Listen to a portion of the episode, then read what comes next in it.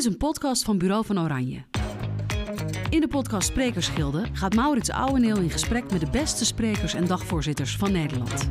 Wie zijn deze mensen die dag in dag uit voor volle zalen staan en daar anderen weten te inspireren en motiveren? En wat heeft hen ooit geïnspireerd om dit te gaan doen? In deze aflevering een gesprek met Dieter Mukkelman. Welkom eh, Dieter in de podcast van het Sprekersgilde. Dankjewel. Van voormalig geschiedenisdocent ben je uitgegroeid tot de trendwatcher in het onderwijs. Dat vond ik erg interessant om te lezen. Leuk, ja. Hoe is dat zo gekomen? Nou ja, dat is een hele interessante vraag. Um, ik wilde eigenlijk altijd wel leraar worden. En uh, dat zit volgens mij een beetje in mijn DNA. Als ik uh, aan mijn moeders kant kijk, maar ook aan mijn vaders kant. Heel veel leraren herkennen dat ook. Het is vaak een familieding. Uh, ik vind verhalen vertellen interessant. dus het was of geschiedenis of biologie in mijn geval.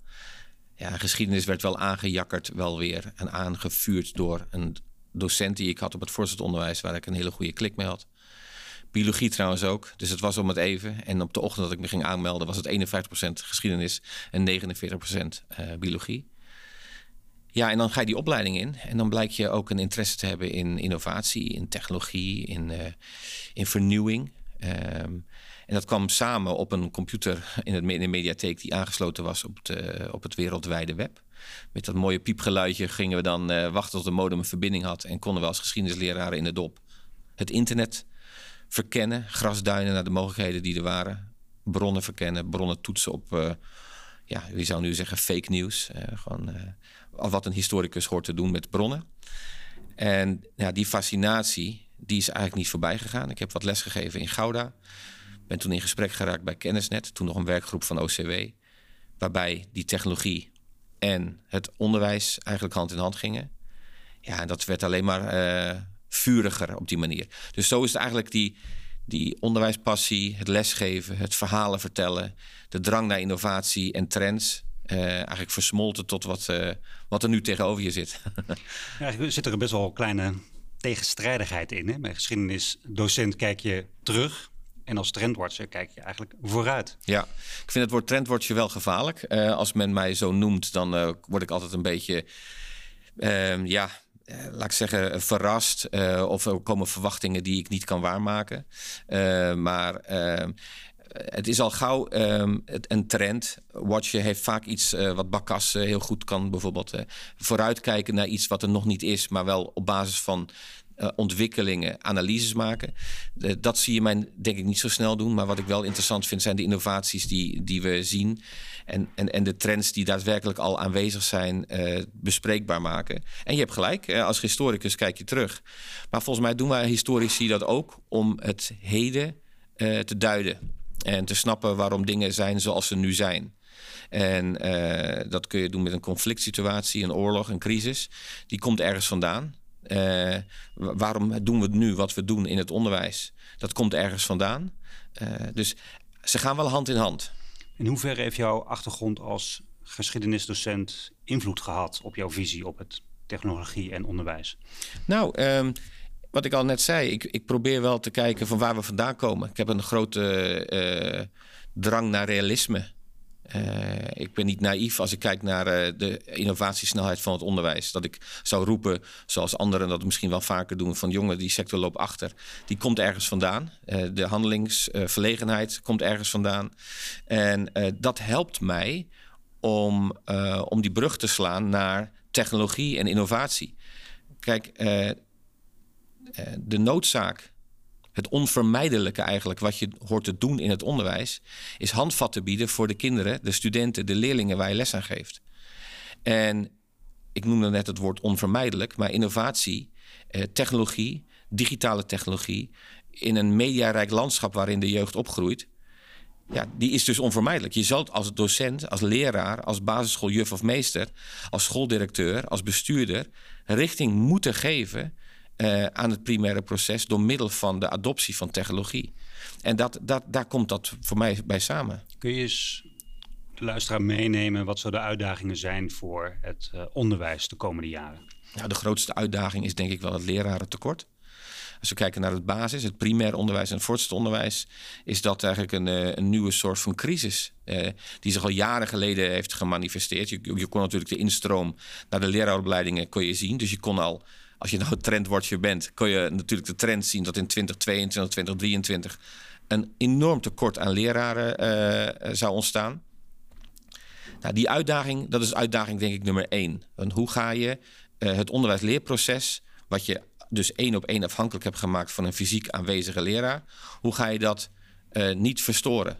Want ja, je hebt dus geen fysiek aanwezige leraar. Dus hoe ga je dan je onderwijs, school en leren invulling geven. Het tweede is, wat ik net al aangaf, is in dat mediarijke landschap waar leerlingen in opgroeien. Dus als kinderen nu geboren worden, uh, ja, die gaan over vier jaar dus naar groep 1. Ja, je kan je niet voorstellen welke technologische ontwikkelingen wij gaan zien de komende vier jaar. Als je alleen al nakijkt hoe AI zich de afgelopen vier maanden heeft gemanifesteerd. Ik noem maar wat. Dus in die mediarijke wereld waarin we zeggen in het onderwijs: wij sluiten aan bij de beleefswereld van het kind. Wij geven ze handvatten om het na deze opleiding in een vervolgopleiding of in een beroep goed te doen. Ja, moet je dus daar iets mee doen. Dus dat is de tweede uitdaging. Zorg ervoor, zoals Aslander het ook uh, zegt, zorg ervoor dat de sector digitaal fit wordt. Leerlingen verdienen een digitale fitte leeromgeving. En ja, dan kom je op punten waar we het misschien zo meteen nog over kunnen gaan hebben. Maar ja, dat is wel de tweede grote uitdaging. Dus het leraartekort en het, het, ontbreken van een digitale fitte leeromgeving. Dat is absoluut de, tweede uitdaging. Kun je die laatste eens even wat extra toelichten met een concreet voorbeeld? Nou ja, um, um, we hebben in de pandemie uh, noodgedwongen, sinds 15 maart 2020, moesten wij op dinsdag woensdag allemaal online onderwijs gaan geven. Nou, ik heb in, uh, laten we zeggen voor het gemak, in 2000 ben ik gaan werken bij Stichting Kennisnet. Uh, toen nog geen stichting, maar uh, later dan de Stichting Kennisnet. En wat we toen riepen met de vier in balans, de visie, deskundigheid, hardware en content moeten in balans zijn om ICT daadwerkelijk uh, voet aan de grond te laten krijgen in het primaire proces. Dat riepen wij dus al lang, al heel lang. En dan komt 15 maart 2020 komt Arie Slop op, op zondagavond om half zes, tien of half zes zeggen... vanaf morgen voor de komende twee weken gaan de scholen, het onderwijs gaat dicht, nou, et cetera. Dus op een of andere manier moest men toen het wiel op, opnieuw aan uitvinden. Als er twintig jaar lang al was geïnnoveerd in ICT en onderwijs, had men zijn schouders opgehaald. En was men verder gegaan met waar men vrijdag gebleven was. En vervolgens kwamen we natuurlijk uh, tot inzicht dat het versturen van een pdfje op, op basisschoolniveau of een lege leeromgeving in het voortgezet onderwijs niet echt bijdraagt aan, uh, aan het onderwijsleerproces. Dus je merkte, er waren gewoon leraren in het, in het, in het team die niet die vaardigheden, haar vaardigheden en de competenties hadden om met nieuwe technologie onderwijs te geven. Nou ja, uh, dus als je dat wel had gehad, dan was het minder uh, lastig geweest. Dan was nu ook het leraartekort minder zwaar gaan drukken op de sector. Dus uh, als we kijken naar digitale fitheid, hebben we het over vijf elementen. Nou, digitaal bewustzijn. Ja, je, je, kan gewoon rustig zeggen in een onderwijssector, daar hebben we het nu over. Ik heb er niet zoveel mee, het heeft niet mijn interesse, uh, et cetera. Dus ja, het digitaal bewustzijn is niet heel. Je hebt misschien een telefoon, maar ja, hoe een appje moet worden geïnstalleerd, misschien weet je dat nog niet eens. Dan heb je te maken met digitale vaardigheden. Uh, niemand heeft het in het onderwijs geleerd om daadwerkelijk met mail, met, met, met Office pakketten of met Google pakketten of met, met Apple pakketten te werken. We, doen maar wat. Uh, WhatsApp, we doen maar wat. Facebook, we doen maar wat.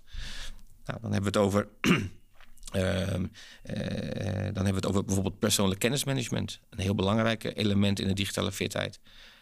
Het onderwijs heeft als basisingrediënt informatie. Maar hoe ga je daarmee om? Hoe maak je het deelbaar? Hoe maak je het vindbaar in plaats van zoeken? Zoals Aslander uh, in zijn boek uh, Ons Werkenstuk, wat ik ook omarm, dat boek, beschrijft dat we 40 dagen in het jaar materiaal aan het zoeken zijn wat we al hadden.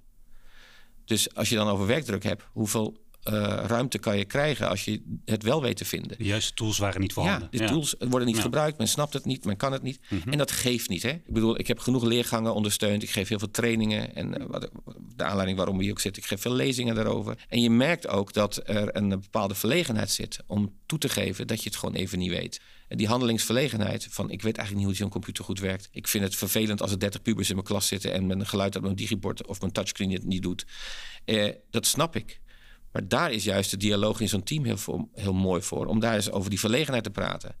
Want dan, als je dat begint, ja, dan ben je dus eigenlijk bewust onbekwaam. En dat is heel vervelend. Dat is helemaal niet leuk. Maar daar kun je stappen in maken. En dat verdient die leerling van, van, van zijn leraar, van zijn juf of meester. Wat je eigenlijk beschrijft is eigenlijk dat een docent... en die moest een heel transformatieproces eigenlijk in hele korte tijd doorlopen. En er werd eigenlijk in heel korte tijd eigenlijk duidelijk... dat er heel veel competenties eigenlijk wellicht niet aanwezig waren... maar de tools ook niet aanwezig waren. Nou, tools ook niet. Uh, kijk, in een crisis wordt alles uitvergroot. Uh, dat is ook gunstig. Als je nu naar de crisis terugkijkt en je ziet wat er opviel... dat zijn dingen die al waren, die alleen groter werden. Dus als je niet weet hoe je een nou ja, laat ik even een heel lullig voorbeeld nemen. Maar als je uh, een foto wil bijvoegen in die mail, maar die is te groot voor, om te verzenden, dat je die eerst verkleint en dan als bijlage toevoegt. Als je dat niet wist, dan, uh, ja, dan geef je een printje iets uit, geef je het mee. Maar nu hadden we niet die mogelijkheid. Dus je moest wel mailen. Maar ja, nu kwam er ineens aan het licht dat het verkleinen van een foto voordat je hem als bijlage kan toevoegen, niet in jouw vaardigheidsgereedschapskist zit. Ja, ja dat viel ineens op. En dat is behoorlijk ja. storend. Ja. Hey, je liet straks even de term uh, vallen mediarijk onderwijs. Ja. Maar jij gebruikt ook het woord mediawijs. Ja. Kun je dat eens even toelichten, wat dat woord betekent? Nou, mediawijs is eigenlijk dat je... Uh, vrij eenvoudig dat je het kaf van het koren kan scheiden. Dat je weet waar... Uh, wat juist is, wat, wat, wat kritisch moet worden bekeken. Nou, wat ik in mijn geschiedenisopleiding heb meegekregen als je, als je kijkt naar bronnen, bronnenonderzoek, we hadden in de geschiedenis, uh, middeleeuwen hadden we bijvoorbeeld de kruistochten. Nou, als je Europese bronnen pakt of Arabische bronnen, dat is nog een andere interpretatie van, van de werkelijkheid. Nou, en dan moet je natuurlijk die twee vergelijken en dan kan je een kruistocht bijvoorbeeld op waarde schetsen. Ik zeg maar even wat. Nou, dat geldt eigenlijk ook voor het internet. Op het moment dat je media gaat gebruiken en je bekijkt een bron en je neemt die voor waar aan, ja, dat, dan ga je te hard. Dus je moet, uh, net zoals uh, je vroeger van Mallenberg of Zwijsen of Tieme Meulen, of ik zeg vroeger, maar nog steeds het boek krijgt van de uitgever, kan je ervan uitgaan als docent of als leraar. Dat klopt wat er staat. Maar op het moment dat je het internet opgaat, moet je ja, wel weten uh, wie is de afzender, wanneer is het geüpdate, klopt het wel, uh, zijn er misschien updates over de actualiteit van wat er hier beschreven wordt. Nou, dat is een vorm van mediawijsheid. Er komt nog wel meer bij kijken, maar dat is denk ik wel de kern van de zaak. We gaan zo over het uh, vak van spreker hebben. Ik wil even één zijstapje maken. Mensen die jou niet kennen, je hebt echt een hele mooie baard. je handelsmerk. Ja. Er is een moment geweest dat jij tegen je vrouw zei: En nu laat ik mijn baard staan. Nee, uh, het ging andersom. Uh, zou ik hem een keer laten staan? En toen zei ze: Ja, moet je doen. Ja. Dus ik zag een kale vent lopen met een enorme mooie baard. Toen zei ik van, nou ja, ik weet niet of mij dat zou staan. En toen zei ze van, moet je gewoon eens doen, joh nou ja, van het een kant het ander. En dan heb je ook nog twee dochters die dat ook heel leuk vinden. En als ik nu zou zeggen, ik ga hem eraf halen, dan heb ik drie vrouwen in huis die, die vol in de weerstand gaan. Dus ja, ik hoef er niet tegenaan te kijken. dus ik, maar ik word er wel. nou, er gaat geen dag voorbij, zoals nu dus ook, dat de baard even wordt benoemd of even aandacht krijgt. Dat wist ik van tevoren ook niet. is je handelsmerk geworden? Ja, dat is het. Ja. Hoe ben je eigenlijk zo in het sprekersvak gerold? Dat was in de tijd dat ik bij Kennisnet werkte. Ehm, in de Tweede Kamer er vragen werden gesteld aan de toentertijd minister van Onderwijs, uh, Loek Hermans. Over de waarde en de toegevoegde waarde, met name van Kennisnet en van ICT in het onderwijs. En ik weet nog goed dat, uh, dat uh, premier Kok toen, onze premier, samen met de minister van Onderwijs, Loek Hermans, naar de NOT kwam. Waar ik op de stand van Kennisnet ook aanwezig was. En daar heten wij het gevolg welkom. En daar moest een korte toelichting worden gegeven. En op een of andere manier werd er vanuit de organisatie Kennisnet naar mij gewezen van joh, volgens mij kan jij dat heel goed uitleggen wat we aan het doen zijn. Kort en bondig en de waarde toevoegen. En dat is ook voor ons van belang, want uh, dan kan de minister van Onderwijs dat ook aan de Kamer uitleggen wat, wat wij hier aan het doen zijn. Nou, en dan vervolgens kwam er een aanvraag van een school hier en een vraag van een school daar. Van, kan iemand wat uitleggen vanuit Kennisnet waarom ICT in onderwijs belangrijk is en wat jullie vanuit Kennisnet doen? En toen liep ik met spiekbriefjes en met zweethanden en een uh, volledig vooruit geprogrammeerde PowerPoint uh, naar school X, Y, Z. Ik weet nog een aantal scholen nog. Kan ik me nog goed herinneren dat ik daar stond. Ja, en dan ontstaat, ontstond er blijkbaar iets. En als, het, als er iemand belde vanuit de pers voor, voor kennisnet, dan was het vaak van: joh, kan jij dat even uitleggen, Dieter? Dus zo is dat eigenlijk spelende wijs gegaan. En kwam ik weer voor de groep, eigenlijk zoals ik dat voor kennisnet ook deed, maar dan voor de tieners in het geschiedenisonderwijs, kwam ik nu voor leraren te praten. En van het een kwam het ander. Uiteindelijk ben je eh, helemaal eh, weggegaan bij, eh, bij Kennisnet. Ja. Voor jezelf eigenlijk gaan starten. Ja. Bezig met talloze initiatieven. Ja, klopt. En het spreken is daar een van de onderdelen van. Ja. Wat heb jij gedaan om steeds beter te worden als spreker?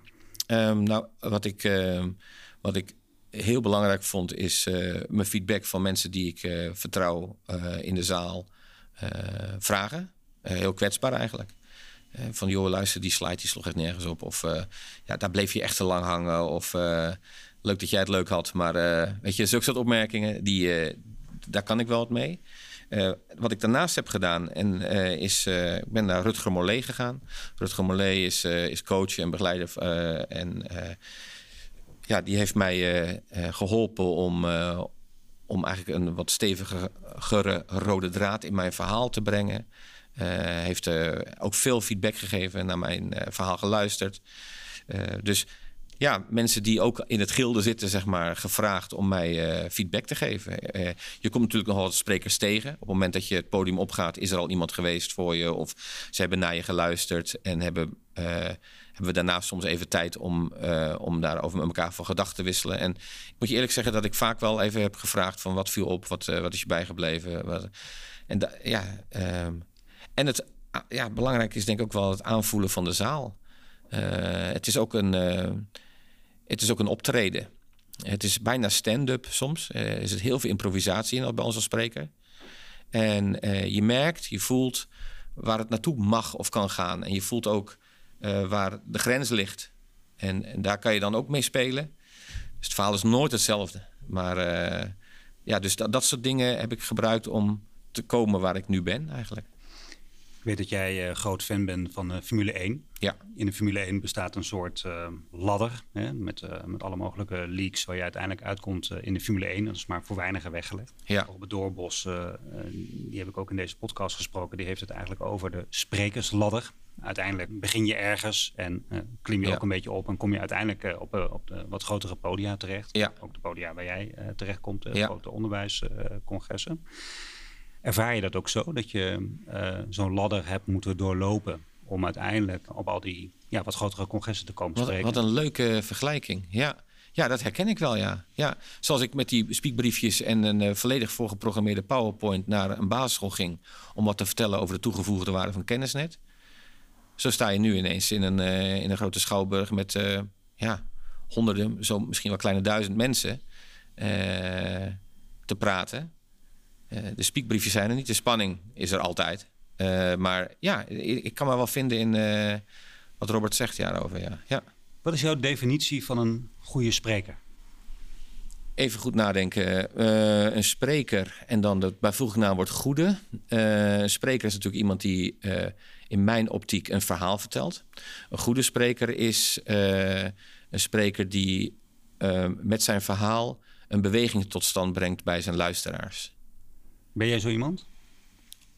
De man af ook, hè? Um, ik krijg die feedback wel. Jij bent ook dagvoorzitter. Vervul je de beide rollen wel eens op één dag? Dat je spreker bent en dagvoorzitter? Heb ik gedaan, doe ik nooit meer. Waarom niet? Dat zijn uh, twee totaal verschillende takken van sport. Um, um, het is uh, werken in een keuken dus je zou zeggen, nou, is allemaal hetzelfde. Maar de een doet de afwas en de andere is chef-kok, zeg maar. Ik zeg niet dat ene beter dan het andere, maar het is een totaal ander vak.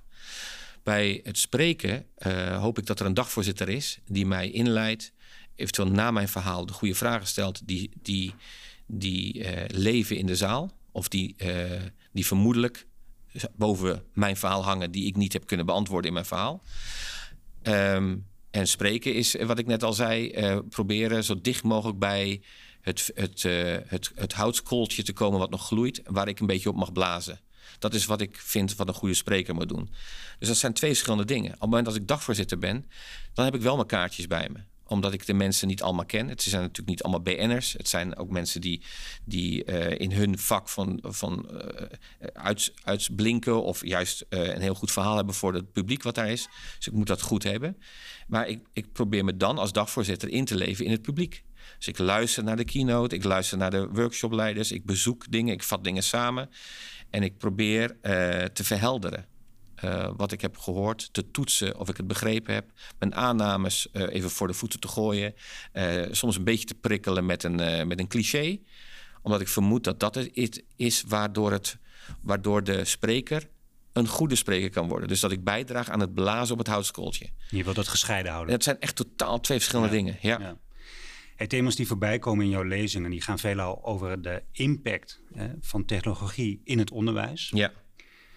Kun je eens een aantal voorbeelden geven uh, die zo her en der voorbij komen in jouw lezingen? Ja, um, nou ja, het belangrijkste vind ik eigenlijk. Um, um, het is ongeveer uh, een van de eerste dia's die ik heb. Ik hoef niet altijd een. een, een mijn verhaal kan ik ook zonder uh, plaatjes doen, zeg maar even. Maar het ondersteunt vaak. Heel fijn. En een van de eerste afbeeldingen die ik gebruik is een citaat wat ik jaren geleden een keer tegenkwam. Wat mij zelf heel erg aansprak. Remember why you started. En dan praat ik veel over het onderwijs, maar intussen ook voor andere sectoren. Maar die, die doet een appel op, nou ja, wat ik net al zei, eigenlijk de gloei in dat houtskooltje. En soms is die bijna weg. En denk je, ja, ik hoef nog maar drie jaar. Of ik heb hier niks mee. Of mijn organisatie of mijn school of mijn team is zo aan het ontwikkelen. Ja, mijn, mijn passie gaat weg. Maar met die vraag doe je een appel eigenlijk van waarom zit je hier? Waarom werk je in het onderwijs? Waarom ben je arts geworden? Waarom ben je startende ondernemer? Of waarom zit je op die stoel van het college van bestuur? Remember why you started. Daar begint eigenlijk mijn presentatie mee. En vervolgens, als je in het onderwijs werkt, is dat als het goed is, omdat je kinderen, leerlingen, studenten uh, verder wil helpen. En ik, ik geef daarmee eigenlijk de opening, of misschien moet ik het anders zeggen, sluit ik de deur naar 100% analoog. Want daarna kan ik natuurlijk zeggen van... je luister, als jij daadwerkelijk die leraar wil zijn die... die net zoals ik een goede spreker moet zijn... wil jij een goede leraar zijn? Wil jij het vuurtje laten branden bij die leerling? Dan zul je iets moeten vertellen of iets moeten doen... door middel van digitale technologie. Dus dat is mijn eerste ding. Het tweede ding, uh, dat is die hele digitale fitheid. Uh, dus die vijf pijlers die ik raak. Waarvan ik vind dat de, de sector of de directeur of de leidinggevende strategisch koers moet zetten op een digitale fitte leeromgeving. En uh, ik heb een persoonlijk verhaal uh, toegevoegd. Dat ligt wat verder van mij af, hoewel het heel dicht bij me zit. Maar ik vind het nooit dat het over mij moet gaan. Maar dat is een uh, ding wat ik heb geleerd, ook in de coronatijd. Ik bedoel, het heeft mij ook met keihard op de grond gezet. Met een vrouw die vijf foodtrucks heeft in een, een bedrijf in de event business. Wat tot, volledig tot stilstand kwam. In diezelfde persconferentie waarop Arie Slop zei: de scholen gaan dicht. En ik ging events organiseren tot en met juni, juli. En die moest ik ook allemaal nog betalen, die locaties. Ik, ik had niks om, om te spreken, geen podia. Maar in dezelfde persconferentie zei Bruno Bruins, de toenmalige minister van Volksgezondheid, tot en met juni geen events. Dus wij kwamen als gezin echt, uh, zoals in de Formule 1, uh, eh, Schumacher ooit eens op Silverstone met ruim 300 km per uur de bandenstapel in. Van, 100 naar, van, van 300 naar 0 in een, in een fractie van een seconde. En dat deel neem ik ook mee in mijn presentatie. Waarom? Omdat ik denk dat als ik kijk naar de, de onderwijssector, in het bijzonder nu, waar we het nu over hebben, is dat wel een sector die vanaf dag één, ook al waren ze misschien zo digitaal fit, altijd heeft gekeken: wat kan wel? Hoe kunnen wij, ondanks wat er niet kan, dingen wel organiseren? En dat vind ik dat er is geen sector die het, Mali, uh, die het Malieveld is opgelopen en uh, waar naar geluisterd is dan het onderwijs.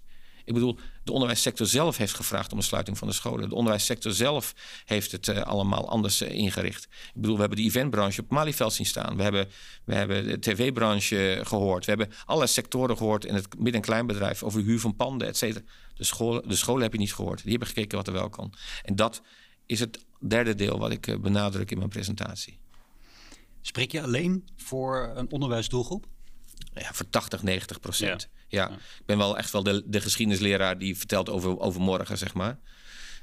Um, maar nogmaals, uh, ja, soms zitten er mensen in de zaal die... Ja, vroeg me net op de man af van, uh, raak je hen? Ja, die raak ik dan. En dat vind ik echt een eer. Vind ik echt heel mooi als ik dat uh, mag, mag terugkrijgen. En die persoon zegt dan van... joh, luister, mijn broer, mijn zwager, mijn zus, weet ik veel... die werkt voor het bedrijf. En jouw verhaal met name over digitale fitheid... de noodzaak van verandering... je wendbaarheid als ondernemer, wat je hebt laten zien...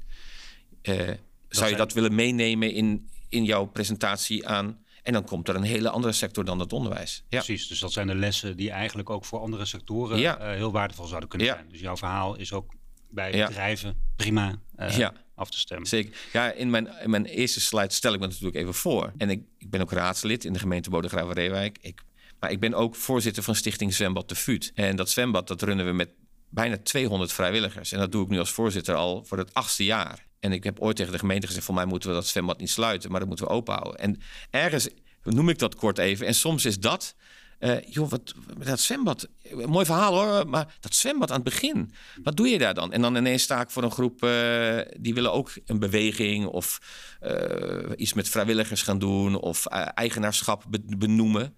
En dan sta ik ineens voor een groep over dat kleine deel wat ik in mijn introductie heb genoemd te vertellen met, met trots. Ja. Heb je wel gemerkt dat eh, zeg maar het toevoegen van persoonlijke verhalen, dat dat het meest blijft hangen? Ja. Is dat ook iets wat je bijvoorbeeld bij zo'n uh, sprekerscoach ja, uh, absoluut. hebt geleerd? Ja. ja. Ja. dat is dus, je zou zeggen dat heb je geleerd als trucje. Maar ik zou je nog sterker vertellen, dat heeft mij heel veel moeite gekost. om bijvoorbeeld dat verhaal van de VU te vertellen. Want ja, ik ben degene geweest die heeft tegen de gemeente gezegd: joh, luister, van mij moet je het openhouden. Dan wordt het een heel erg ik-verhaal. Ik heb toen dit, ik heb toen dat. En dat vind ik heel erg moeilijk. Waarom vind je dat moeilijk? ja, dat, uh, dat weet ik eigenlijk niet zo goed. Uh, nou ja, je noemde net de baard. Uh, ik ben al een, een, een, iemand die opvalt, zeg maar, daardoor. En ik wil het niet over mij hebben. Ik, ik, uh, dus daar zit, daar zit een, een, een, een dun laagje ijs, zeg maar, wat ik nu een beetje aan het betreden ben. En ja, op dat, dat vlak ligt voor mij nog wel als persoonlijke, als spreker, een persoonlijke ontwikkeling. Want ja, eh, even onder de streep heb ik het wel gedaan. Uh, je zou bijna, ik zou bijna willen vragen: ga met die vrijwilligers in gesprek. Waarom zijn zij degene geweest die hebben gezegd: hé, hey, die Dieter heeft een mooi verhaal, laat ik dat eens gaan doen? Of dat, om het zelf te vertellen, vind ik heel erg lastig. Uh, het ego lijkt misschien heel groot, maar daar word ik wel heel klein. ja ik, heb, ik loop al een tijdje mee en ik heb ook heel veel sprekers uh, gesproken. Je bent de tweede spreker die eigenlijk aangeeft dat hij wel eens een sprekerscoach heeft ingehuurd. Ik heb dat eigenlijk nog nooit gehoord. Oké. Dus deze podcast uh, is uh, voor, voor, mij echt wel een unicum dat er mensen zijn die naar een sprekerscoach gaan. Ja, ik kan het iedereen aanraden. Ja. En dan, ja, er zijn natuurlijk heel veel mensen die ervaring hebben en die dat ook kunnen duiden. Maar we hebben allemaal, denk ik, wel een blinde vlek. En we, we, we, worden natuurlijk bevestigd. Net zoals een leraar, dat is eh, onderzocht, die heeft altijd gelijk. Ja, tussen 9 en 4. Want dan staat hij voor een groep tieners of jonge kinderen... waar, waar hij of zij qua kennis meer weet dan zij. Want dat is ook de, de afspraak. Zij, uh, je gaat wiskunde leren van een wiskundeleraar... omdat je dat vak nog niet beheerst. Maar wij zijn als leraren zijn we wel in gaan geloven dat we altijd gelijk hebben. Maar dat doen we dus op verjaardagen ook. Dus wij als leraren krijgen vaak de oranje bedweters. Dat is een typische leraar. Maar misschien hebben sprekers dat ook wel. Dat we denken, ja, wij we krijgen wel de handjes op elkaar. En we worden wel gevraagd. En daar worden we ook uh, voor ingehuurd om te inspireren, et cetera. Die lat ligt altijd hoog. We moeten altijd fit zijn. We moeten er altijd staan. Dat je dat bijna gaat geloven. Maar dat is misschien ook wel goed om nou over na te denken. Van ja, wat kan er beter? Dat heeft voor mij heel erg gewerkt. Absoluut. als je ergens een lezing geeft, wat vind je dan het belangrijkste wat deelnemers van die lezing meenemen? Nou, in mijn voorbereiding heb ik uh, uh, dat, mijn voorbereiding vind ik altijd een heel belangrijk onderdeel. Uh, dus welke verwachting is er? En uh, is het de start van een school? Laten we weer het onderwijs nemen nu. Uh, is het de start van het schooljaar? Dan, of is het een onderdeel van een tweedaagse waarin directeuren bij elkaar zitten om een strategische koers te bepalen? Of is het een, ehm, een feestelijke bijeenkomst waarbij uh, de innovatiekracht van een, van een school centraal wordt gezet en een opening van een technieklokaal of een lokaal voor de toekomst, een klas voor de toekomst. Dus dat vind ik heel belangrijk. Um, en uh, uh, ja, daar, daar, kan, daar kan ik dan wat mee. Het is dan natuurlijk vervelend als je een spreker hebt ingehuurd en dat je achteraf moet horen, ja, we hadden eigenlijk wel iets anders verwacht.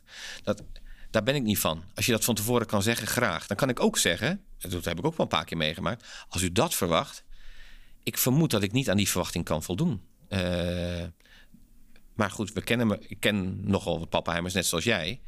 Dan zou u moeten kijken of die mevrouw of die meneer uh, misschien beschikbaar is. Want ik denk dat die dichter bij uw verwachting komt. Wat zijn dan bijvoorbeeld onderwerpen waar organisaties jou voor inhuren, waarop jij dan eigenlijk achteraf zegt: ja, dat moet ik niet doen? Eh, als het te operationeel wordt. Ja, ik, ik, ik eh, ben een aanjager. Ik heb wat creativiteit eh, in mij. ik, ik vind het fijn om te praten. Ik vind het fijn om met woorden, met de taal te combineren en te spelen. Als het dan wordt verkleind, dan kom ik in het, in het nauw eigenlijk. Dan kan ik niet doen waar je mij voor hebt gevraagd. Dus als het gaat om, om, om microzaken, uh, oh ja, maar uh, we hebben op dit niveau, op dat plekje hebben we dat, dan wordt het vervelend, want daar, daar ben ik niet van. Ja, dat is misschien een beetje abstract, maar ik kan zo gauw even niet een, een, een, een voorbeeld noemen dat ik op het podium stond. Ik dacht, nou, dit, nu gelijk eraf, zeg maar, bijna letterlijk. Uh, ik weet wel dat ik die ervaring bij me draag, maar om antwoord te geven op de vraag wanneer wordt het vervelend of wanneer uh, moet je mij niet vragen als het te operationeel wordt. Ja, je wil graag de grote lijnen, ja. die wil je graag, uh, ja. daar wil je mensen mee inspireren. Ja, dat, dat is het. Ja. ja. dat zit hem in die dia Remember Why You Started. ja, ik wil een leraar worden, ik wil, of ik wil, ik wil een gave ondernemer zijn, ik wil creativiteit. nou, daar gaan we, dan, dan ben ik helemaal van jou. Dan kan ik helemaal op het moment dat iemand zegt ja, en ik wil binnen die sector dat deel, en dan, dan uh, ja, dan dat, dat ben ik niet. Dan moet je een andere professional voor vragen. Ja. Is het ook niet zo dat uh, zodra het om technologie gaat, dat er vaak ook andere problemen binnen organisaties gaan ontstaan? Uh, ja, gaf het straks aan, joh, uh, heel veel organisaties, uh, onderwijsorganisaties hebben, zijn de tools niet voorhanden. Mm. Um, dan heb je ook nog het probleem dat de mensen niet weten hoe ze met die tools moeten, moeten omgaan. Ja. En dan is er altijd nog iets van, joh, uh, er ontstaat een soort weerstand tegen nieuwe dingen. Ja. Uh, dat zijn natuurlijk andere onderwerpen dan inspireren over technologie. Absoluut, absoluut. Um, als je kijkt naar uh, eh, ICT en onderwijs, of onderwijs met ICT, of hoe je het wil noemen, dan is dat eigenlijk een paard van Troje. Het is een belangrijk onderdeel, het is onvermijdelijk, absoluut onvermijdelijk. Maar als je dan komt binnenrijden met die technologie, net zoals als ik het zo even mag noemen, volledig overdrachtelijk. Maar als corona binnenkomt rijden en die buik gaat open, dan wordt er iets verwacht van je en dat moet je maar net kunnen. Dat is met technologie net zo. Als die visie, deskundigheid, hardware en content niet in balans is en het strategisch leiderschap niet daarop stuurt, ja, dan wordt het niks. Dus eigenlijk kan je wel binnenkomen met technologie en met trends en een uh, Apple Vision Pro of virtual reality of nu dan augmented reality of artificial intelligence. Of, maar als je dan binnen bent en je zegt, nou oké, heb je je nieuwe collega al ontmoet? Ben je al met ChatGPT aan de gang gegaan? Heb je hem uh, of haar, heb je die machine al gevraagd om lesmateriaal te ontwikkelen voor het begin van het nieuwe schooljaar? Dan ben je binnen een uur klaar in plaats van dat je tien uur van je zomervakantie hebt in moeten leveren. Ik zeg maar even wat. Ja, dan wordt er eigenlijk iets anders zichtbaar.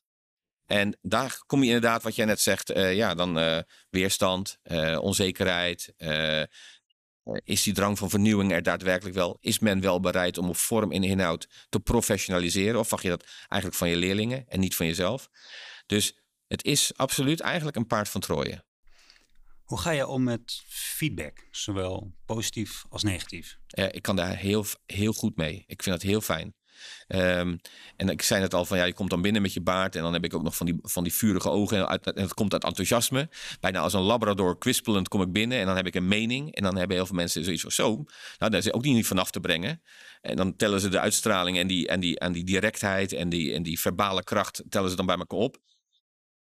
Maar ik ben heel makkelijk, heel goed te overtuigen. Uh, en dat vind ik ook fijn als mensen mij ook feedback geven en ideeën en suggesties uh, vaak zeg ik ook: kom, we gaan hier linksaf om te kijken wat er dan gebeurt. Uh, want nee, joh, want. Oh, nou, dan gaan we rechtsaf. Maar je moet soms ergens beginnen.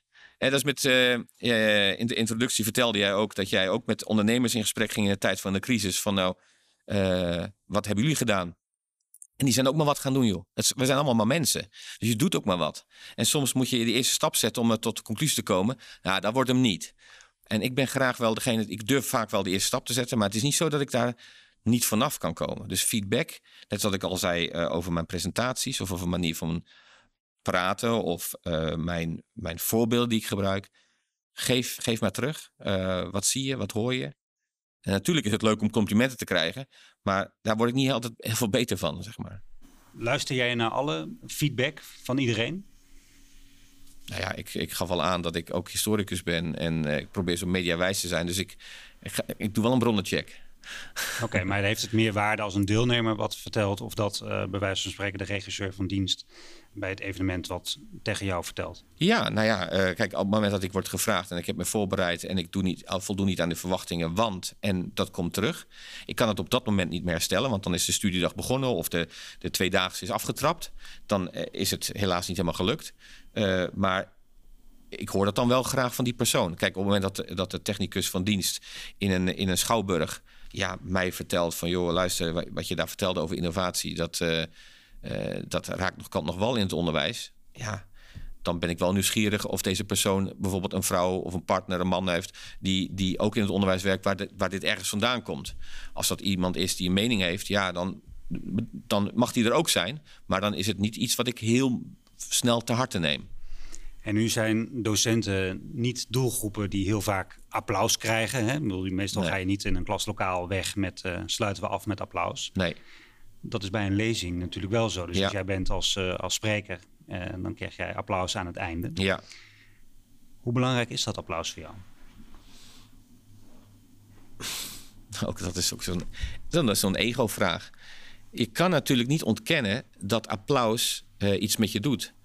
Maar ik denk dat mensen die mij kennen, die mij hebben zien spreken, uh, mijn lichaamstaal herkennen op het moment dat het applaus komt. Ik ontvang het en ik ben dankbaar, want blijkbaar heb ik iets gedaan wat de goede spreker hoort te doen, namelijk op die houtskooltjes blazen, waardoor het vuur wat aanwakkert. Maar ik vind het. Uh, ik vind het wel heel lastig om te ontvangen. Tegenwoordig doe je alles voor de likes. Ik bedoel, die dopamine, die, krijg je natuurlijk ook. Dus het, het geeft je ook een, een rush. Eén kleine kanttekening trouwens. Je zegt, ja, docenten krijgen in het klaslokaal uh, geen applaus. Dat is waar. Maar er is intussen een legio aantal leraren die op YouTube uh, hun lessen presenteren. En als je dan die reacties leest, waanzinnig. Door u heb ik het wel begrepen. Bedankt. Maar door u heb ik het examen wel of de toets wel kunnen halen. Dus het, virtuele podium krijg je de handjes eerder op elkaar dan in het klaslokaal. Dus ik, bij deze wil ik dat nog wel even als kanttekening geven.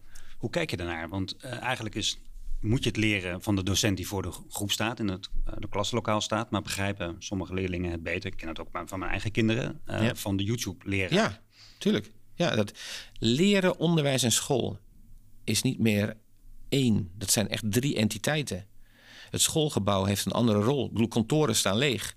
We leren leerlingen, uh, uh, bereiden we voor op de toekomst. En vervolgens vragen we ze tussen half negen en vier fysiek in een gebouw te zijn. Wat ze waarschijnlijk in een toekomst nooit meer gaan doen.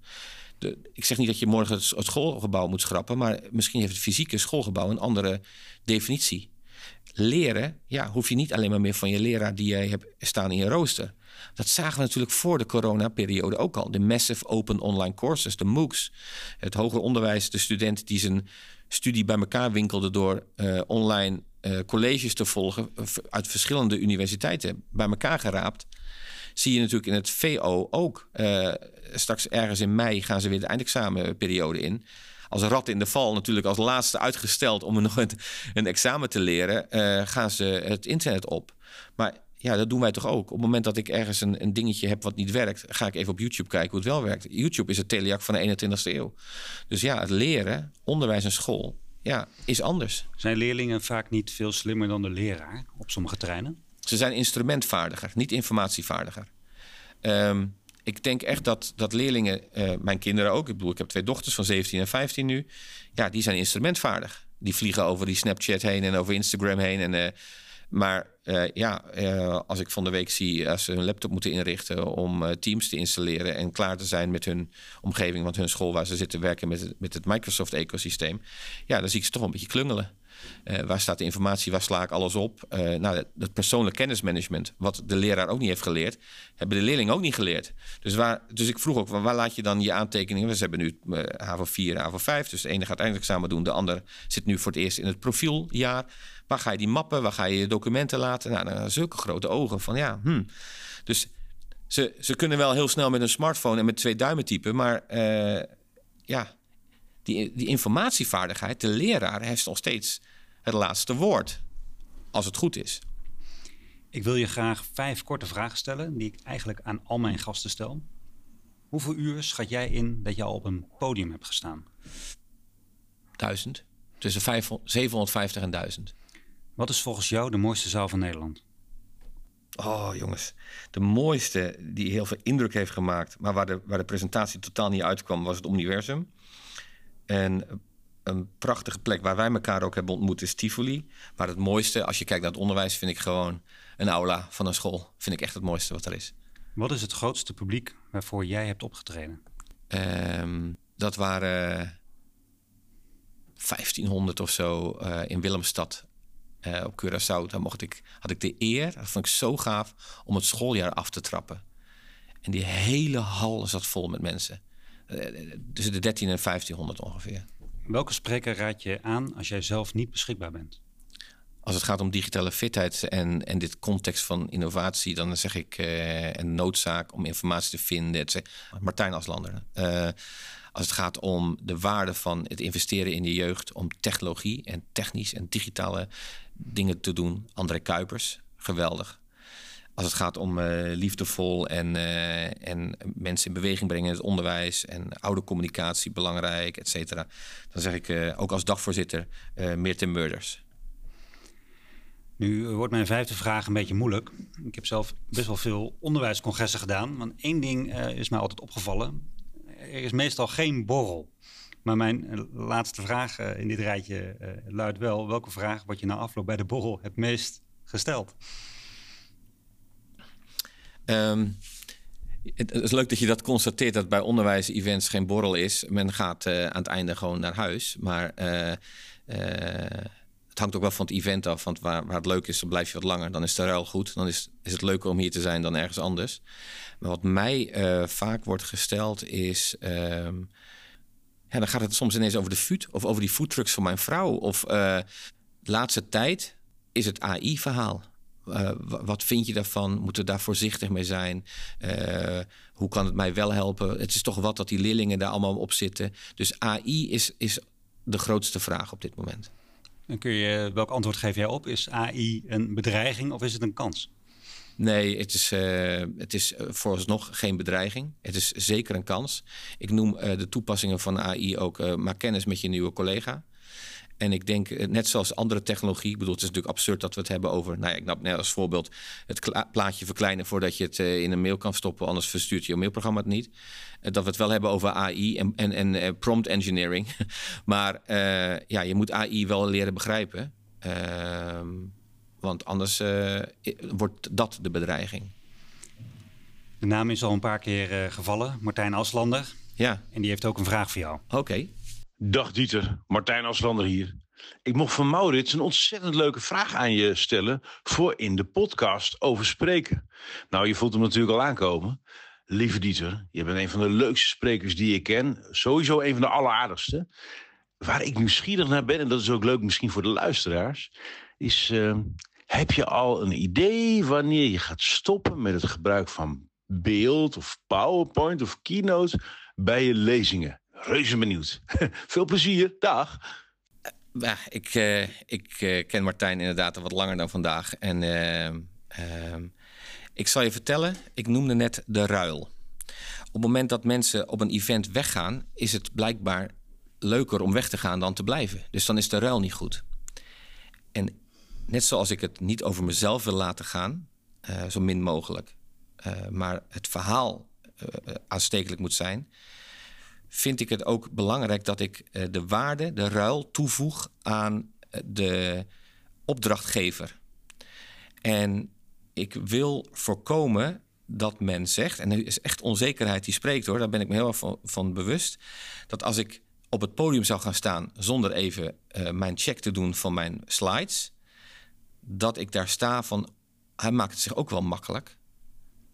Snap je wat ik wil zeggen? Mhm. Dus ik wil eigenlijk met een soort bagage komen, waardoor dat heb ik ook voorbereid. Die slides, daar kun je mijn voorbereiding in zien. Dus de energie die ik heb gestoken om, om van waarde te zijn die men verwacht, die ik ga toevoegen, is de entourage, zeg maar, ook de, zijn ook de slides. Dus het antwoord op Martijn's vraag is uh, dat ik uh, het lef, als ik het lef heb, dat ik het kan gaan doen. Dat is het antwoord op de vraag. Ik uh, heb veel gewerkt met uh, Remco Klaassen. En die zegt altijd: PowerPoint is vaak de rollator van de presentator. Ja, het is echt wel iets voor hem, ja. En als je, uh, en anderzijds is het natuurlijk zo dat één beeld vaak meer kan vertellen dan duizend woorden. Ja. Daar zit natuurlijk het spanningsveld ja. van de vraag van, uh, ja. van Martijn. En er zit eigenlijk ook jouw spanningsveld. Zeker. Um, en ik snap uh, Remco's opmerking ook. Uh, de presentatie heb ik niet nodig om, om als rollator. Ehm, maar ik wil laten zien aan mijn publiek, aan de opdrachtgever, aan de mensen waar ik voor sta, dat ik met aandacht en liefde onvoorwaardelijk voor hen heb gewerkt om zoveel mogelijk toe te voegen uh, aan hetgene waarvoor ik gevraagd ben. En daar hoort dat bij, voor mijn gevoel. Dat is, uh, maar ik snap uh, de rollator-metafoor, maar in dit geval is het meer van: kijk eens, ik heb echt mijn best voor jullie gedaan. Heb je eigenlijk veel contact met andere sprekers in het vak? Nou ja, um, zo nu en dan. Ja, zo nu en dan. Ja, Martijn's naam is nu al tien keer gevallen, denk ik. Maar we zijn ook vrienden, dus uh, dat, is ook wat makkelijker. Dan heb je het ook over andere dingen natuurlijk. Um, we zijn allemaal eenlingen um, in die zin. We staan bij sprekersbureaus, maar het is niet zo dat het een soort clubhuis wordt dan waar je elkaar eh, één keer de zes weken vindt. We staan op podia vaak, doet de een de opening, doet de andere de sluiting. Daar zitten vijf, zes, zeven uur tussen, dus daar ga je elkaar niet eens zien.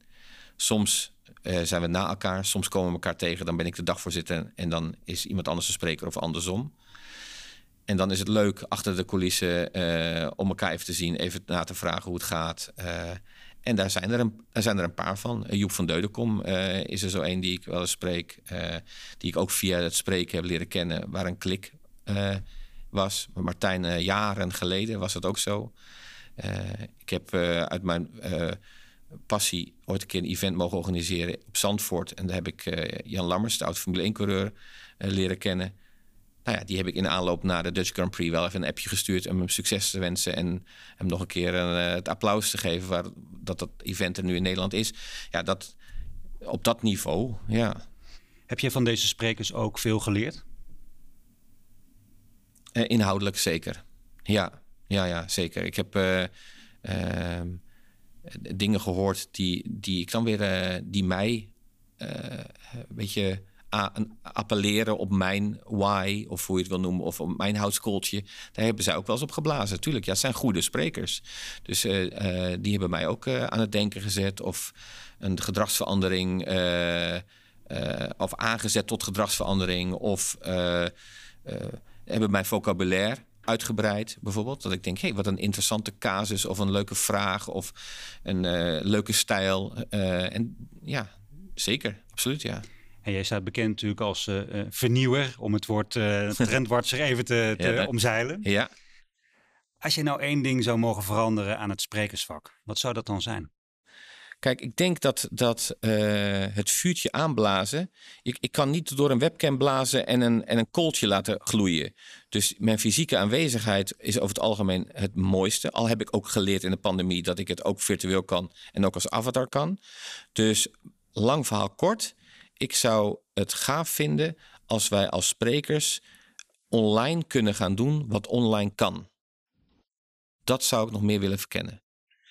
Waardoor onze schaalbaarheid en onze, onze, onze rol die wij hebben uh, nog verder uh, tot impact kan zijn.